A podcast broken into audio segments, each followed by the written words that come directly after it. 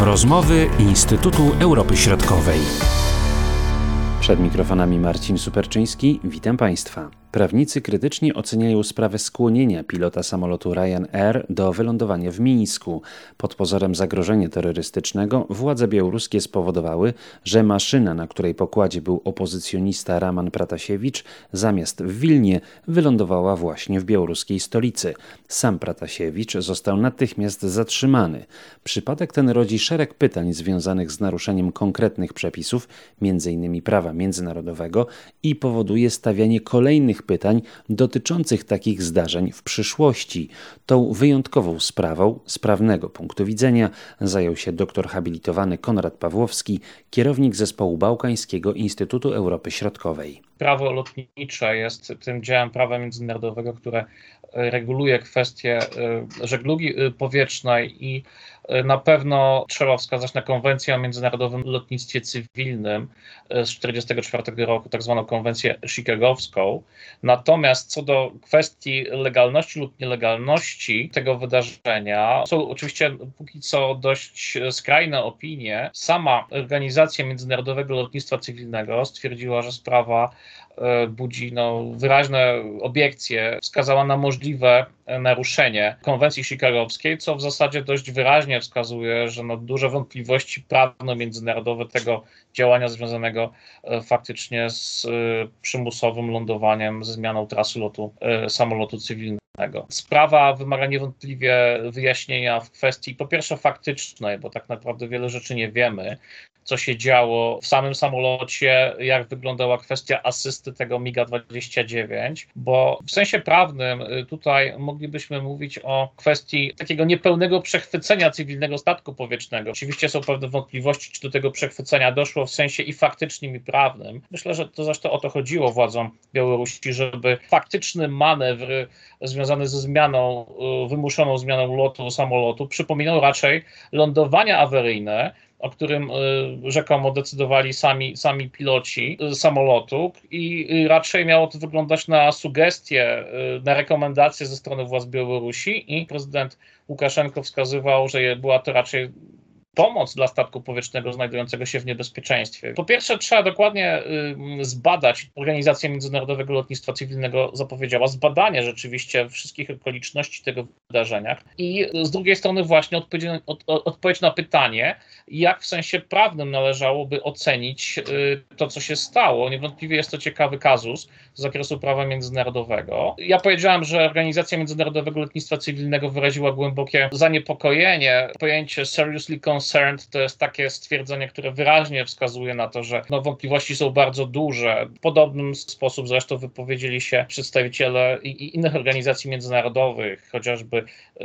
no, rzecznik sekretarza generalnego ONZ, sekretarz generalny NATO, przedstawiciele instytucji europejskich. Tu wyraźnie wskazuje się na to y, głębokie zaniepokojenie tym incydentem i żądanie wyjaśnienia wszystkich okoliczności i faktycznych, i prawnych tego zdarzenia, co e, w języku stosunków międzynarodowych tak naprawdę oznacza no, wyraźne wskazanie i potępienie tego incydentu i wyraźne wskazanie, że jest on niezgodny z normami prawa międzynarodowego, ale oczywiście na taki pewnie końcowy raport wyjaśniający y, jeszcze chwilkę y, poczekamy. Ja chciałbym jeszcze wskazać, że e, w stosunkach międzynarodowych systemy normatywne funkcjonujące w stosunkach międzynarodowych to nie jest tylko prawo międzynarodowe. Prawo międzynarodowe absolutnie jest takim fundamentalnym systemem norm, który reguluje relacje między państwami, reguluje te stosunki międzynarodowe, ale oprócz prawa istnieją także systemy pozaprawne, które te stosunki też regulują. Możemy tu mówić o moralności międzynarodowej, możemy mówić o jakichś zasadach praktycznego działania, takiej swoistej prakseologii międzynarodowej. Moglibyśmy mówić o międzynarodowych normach politycznych. Są to normy, które regulują zachowania państw y, w stosunkach międzynarodowych i, i nie tylko. Y, czy walka z opozycją polityczną w, w kontekście tego incydentu wpisuje się w zasady demokratycznego państwa prawa? Na pewno nie. I prawne normy, i pozaprawne prawne, normy też na pewno zostały naruszone. Jeśli chodzi o taką podstawę prawną, do której zapewne będą się odwoływali wszyscy eksperci, jest to na pewno wspomniana przez nas konwencja o międzynarodowym lotnictwie cywilnym. I artykuł pierwszy y, tej konwencji mówi o suwerenności stwierdza, że umawiające się państwa uznają, że każde państwo posiada całkowitą i wyłączną suwerenność przestrzeni powietrznej nad swoim terytorium. Suwerenność państwa dość klasyczna zasada, związana z zasadą zwierzchnictwa terytorialnego, która zakłada, że państwo y, odpowiada za wszystko, co dzieje się na jego terytorium, że władza tego państwa jest no, władzą najwyższą nad tym terytorium. I są to dość klasyczne, oczywiste zasady prawa międzynarodowego, ale, ale pamiętajmy także, że y, te zasady też są ograniczone właśnie treścią prawa międzynarodowego, bo nie można ich interpretować w sposób y, arbitralny lub dowolny. Suwerenność jednego państwa ogranicza suwerenność państwa drugiego, więc tutaj też są ograniczenia. Do incydentu doszło w przestrzeni powietrznej Białorusi. Co to oznacza? Że rzeczywiście samolot znajdował się w przestrzeni prawnej jurysdykcji władz białoruskich Natomiast nie oznacza to, że władze te mogą, mogą robić to, co im się podoba, y, dlatego że jest to obszar, który podlega ich jurysdykcji. Do czego tutaj dążę? Do zasady, która jest w moim przypadku decydującą odpowiedzią na temat kwestii prawnych związanych z tym incydentem. To jest zasada dobrej wiary w prawie międzynarodowym. Ta zasada, która jest wyraźnie e, zapisana w konwencji wiedeńskiej o prawie traktatów. No pamiętajmy, że konwencja chicagowska jest umową międzynarodową.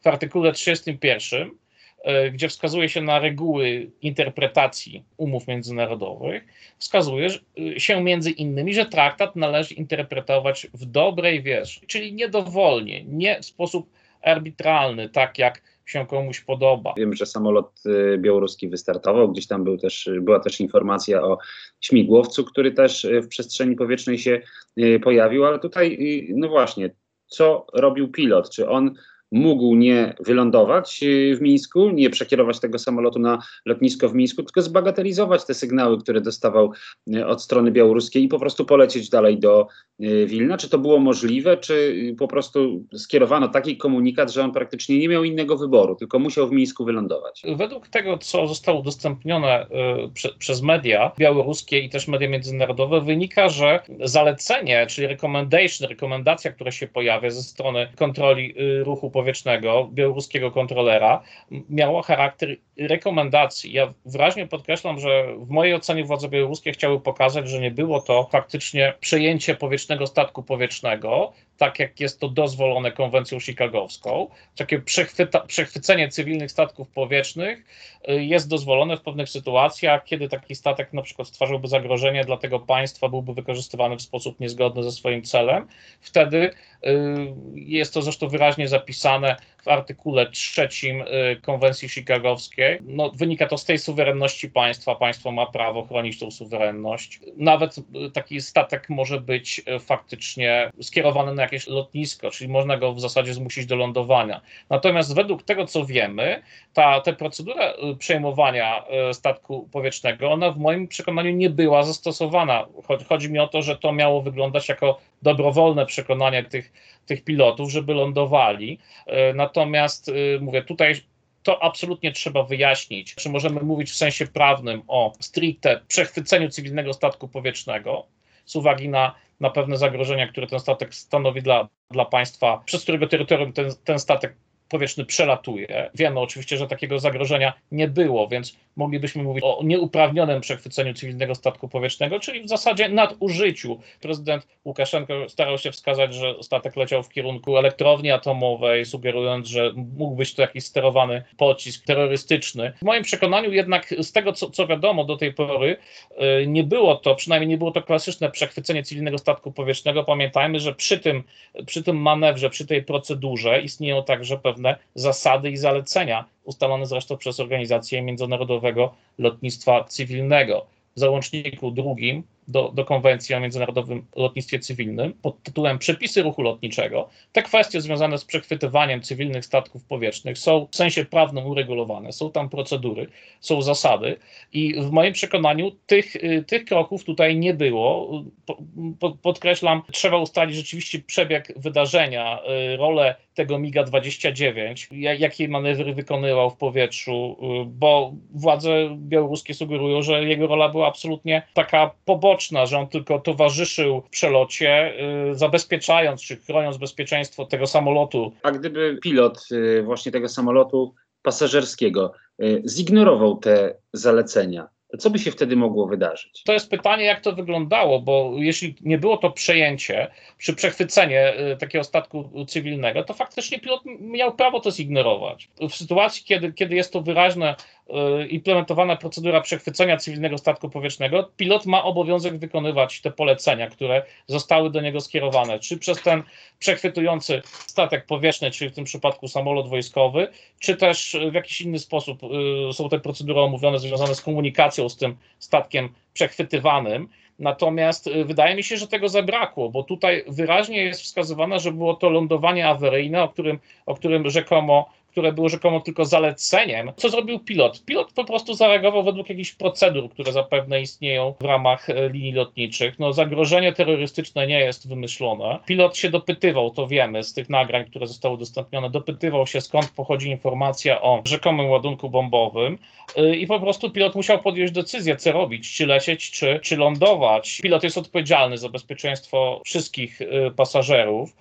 Myślę, że podjął decyzję, nie kalkulując politycznie, tylko decydując się, że jeżeli jest zagrożenie, to po prostu wykona zalecenie, które przyszło od kontrolera ruchu lotniczego. Teraz powiedzmy coś o y, właśnie tym zatrzymanym opozycjoniście. Jak to wygląda z prawnego punktu widzenia? No biorąc pod uwagę to, że y, tutaj władze e, białoruskie no, zachowują suwerenność na swoim terytorium, ale czy one tak miały prawo po prostu zatrzymać jednego z pasażerów i po prostu go zamknąć, brutalnie rzecz nazywając po imieniu. Jednak podkreślam tę rolę suwerenności państwa, zwierzchnictwa terytorialnego. Y, rzeczywiście samolot y, wylądował y, w, w, na terytorium Białorusi i tutaj no, prawo lotnicze nie, nie wskazuje, że Białoruś miałaby e, wszystkich pasażerów potem z powrotem do samolotu po prostu odesłać i wysłać w dalszą, w dalszą drogę. Tutaj nie można powiedzieć o tym, że jest, to, że jest to niemożliwe. Pamiętajmy, że na terenie Białorusi obowiązuje ustawodawstwo białoruskie, e, które reguluje kwestie, kto jest poszukiwany, kto nie jest. Oczywiście słusznie czy niesłusznie to już jest kwestia inna. I tutaj e, ja nie widzę, w sensie prawa międzynarodowego, ja nie widzę tutaj takich przynajmniej nie widzę, widzę takich wyraźnych przesłanek, żeby można było powiedzieć, że prawo lotnicze tutaj zostało złamane, bo jeden z pasażerów nie został wpuszczony na pokład. Nie. Tutaj wydaje mi się, że, że w sensie formalnym ta kwestia spełnia kryteria prawa międzynarodowego, chociaż nie spełnia, jak wcześniej wyraźnie podkreślałem, pewnych standardów w zakresie pewnych norm politycznych. Tak po prostu nie można. Nie można robić w, w demokratycznym państwie, czy rzekomo demokratycznym państwie, y, które wskazuje na to, że władza posiada legitymację obywateli, gdzie, gdzie no, wiemy doskonale, że nie jest to takie oczywiste.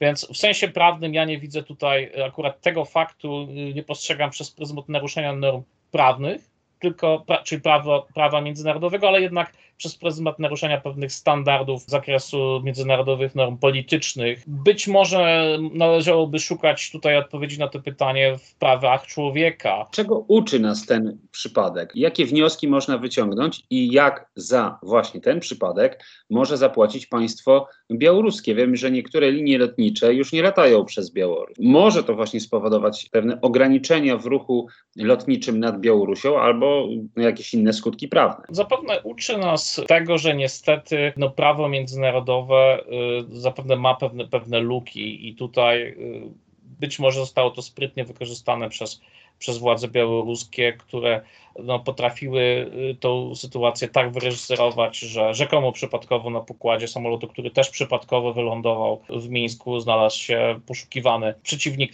polityczny obecnej władzy w Mińsku, no i cóż, został aresztowany, bo akurat przypadkowo się tam znalazł. Jeśli chodzi o kwestie prawne, więc niewątpliwie ten, ten, ten przypadek pokazuje, że no nie można interpretować prawa międzynarodowego w sposób dowolny, arbitralny, stosownie do y, okoliczności, które państwu pasują, y, czyli, czyli tak jak, jak tutaj widzieliśmy, czyli walka z, z przeciwnikami politycznymi, no w zasadzie z wykorzystaniem możliwości, y, które prawo międzynarodowe państwu daje, czyli, czyli właśnie chociażby odwołanie się do przejęcia cywilnego samolotu, ale to przyjęcie musiałoby mieć jakiś le, legalny powód, więc jeśli, jeśli, jeśli nawet ono było, to było to nieuprawnione przyjęcie. Y, było to nadużycie prawa międzynarodowego. Prawo limituje pewne działania. Władze Białorusi wydaje mi się, że po prostu naruszyły zasadę dobrej wiary, zinterpretowały umowę, nadużywając y, tego, co można, a czego nie można, powołując się na, na, na niektóre rozwiązania prawa międzynarodowego. Prawdopodobnie rażące nadużycie i tak pewnie tak to będzie zinterpretowane przez większość, większość ekspertów z zakresu prawa. Przede wszystkim należy dowiedzieć się wszystkich tych szczegółów, bo, bo pamiętajmy jeszcze, rozmawialiśmy o tym, że nie wiemy, co było na pokładzie. Pojawiły się też przecieki w mediach, że doszło do polemiki z pasażerami i załogą tego samolotu, co sugeruje, że być może jakaś presja ze strony funkcjonariuszy służb bezpieczeństwa Białorusi może nie tylko Białorusi, e, miała miejsce na, na pokładzie, co mogło mieć wpływ na kwestię podjęcia decyzji o lądowaniu przez pilota. No my tego jeszcze nie wiemy. Wystąpienie prezydenta no, pokazuje, że prezydent no, nie jest tak przekonujący, jowialny i tryskający energią jak, jak zawsze. Widać jednak pewne poczucie niepewności. Sankcje się już pojawiły, one zaraz będą odczuwalne ekonomicznie, bo jeżeli za, za, za, zamknie się przestrzeń powietrzną i lotniska państw Unii Europejskiej i nie tylko dla białoruskich linii lotniczych, to oznacza realne straty dochodów tych, tych linii. Ten przykład niewątpliwie skłania do takiego wniosku, że państwo białoruskie coraz bardziej staje się podmiotem niewiarygodnym. To jest bardzo ciekawe pytanie. Ono oczywiście przekracza kwestię dyskusji o prawie międzynarodowym. Powiedziałbym trochę, trochę tak ironicznie, że władze Białorusi wskazały, że to Hamas jest odpowiedzialny za, rzekomo, za rzekomy ładunek bombowy na, na pokładzie samolotu, e, którego zresztą wiadomo, wiadomo, że nie było, no ale Hamas się odciął od tego, Hamas dementował. No nie jest to najlepsza sytuacja, kiedy kiedy nawet Hamas odcina się od, od, od, reżimu rządzącego na Białorusi. Ja to mówię z przykrością, ale, ale też zobaczmy, co, mm, co dzieje się w mediach białoruskich, też w mediach społecznościowych. Z jednej strony zwolennicy prezydenta e, chwalą, że był to świetny, e, świetna operacja specjalna związana z zatrzymaniem przeciwnika politycznego, więc chwalą KGB. E, białoruskie, że było skuteczne. Natomiast prezydent się od tego odcina, w zasadzie mówi, że, że to ze Szwajcarii przyszedł e-mail, że Białoruś nie zrobiła niczego nielegalnego, że chciała tylko pomóc, że, że, że to po prostu było wsparcie, rekomendacja ta, ta narracja o tym, że nie było żadnego przejęcia, przechwycenia, piloci sami zdecydowali, że wylądują, no i wtedy przypadkowo znalazł się na pokładzie przeciwnik polityczny. Ja myślę, że trzeba się na coś zdecydować. Albo jest to wielki sukces, albo, albo nie jest i, była to po prostu pomyłka. Jakby no ta podwójna narracja, która dzisiaj występuje, z jednej strony wskazuje na to, że no te argumenty, że był to przypadek, że był to Hamas, czy ktoś ze Szwajcarii, one są, mówiąc delikatnie, absolutnie niewiarygodne. Łukaszenko powiedział wyraźnie jedną rzecz, że to jest wojna hybrydowa, że są kolejne kolejne ataki na Białoruś, one miały być, myśmy się ich spodziewali, one nastąpiły. Narracja takiej oblężonej twierdzy, że Zachód atakuje i Białoruś jest pierwszym etapem tego ataku, ale prawdziwym celem jest Rosja. Pytanie jest, jak długo Rosja będzie e, stawiała na, na prezydenta Aleksandra Łukaszenkę. Patrząc dzisiaj na prezydenta Łukaszenkę, mm, widziałem inną postać sprzed lat, która wyglądała bardzo podobnie to był y, prezydent Jugosławii, Slobodan Miloszewicz, twierdził pod koniec lat 90. w kontekście konfliktu kosowskiego, że Zachód i NATO atakują Serbię nie z powodu Miloszewicza, tylko atakują Miloszewicza z powodu Serbii. No, Serbowie jednak y, nie podzielali tej narracji i 5 października 2000 roku po prostu reżim prezydenta Miloszewicza upadł. Patrząc dzisiaj na sposób artykulacji pewnych argumentów prezydenta Łukaszenki, mam wrażenie, że moglibyśmy zakończyć tą, tą rozmowę takim cytatem z Wiktora Igo, który powiedział, że nie ma nic potężniejszego od idei, której czas nadszedł. Wydaje mi się, że tu tak naprawdę nie chodzi o to, czy Białoruś będzie częścią Zachodu, czy będzie Euroazji, czy to jest geopolityczna gra, o której mówi prezydent Łukaszenko. Wydaje mi się, że jest pytanie, czy Białoruś będzie państwem Białorusinów, czy będzie państwem pewnej, pewnej grupy sprawującej władzę, pewnego reżimu politycznego, który rządzi od 27 lat. Ja myślę, że nie trzeba być realnie przeciwnikiem prezydenta Łukaszenki, żeby, żeby powiedzieć, że czas na zmiany i młodzi ludzie, Y, którzy protestowali, którzy wychowali się w tych latach rządów Aleksandra Łukaszenki, niekoniecznie muszą oskarżać go o wszystkie te poważne naruszenia demokracji, które zresztą się pojawiają i nie są bezpodstawne. Natomiast może po prostu chcą zmiany, zmiany innego polityka, który rządziłby państwem. To jest oczywiście pytanie o to, jak będzie wyglądała dalsza sytuacja polityczna na Białorusi. Wydaje mi się, że, że ona w dalszym ciągu jest niestabilna. Mówił doktor habilitowany Konrad Pawłowski, Marcin Superczyński. Do usłyszenia. Były to rozmowy Instytutu Europy Środkowej.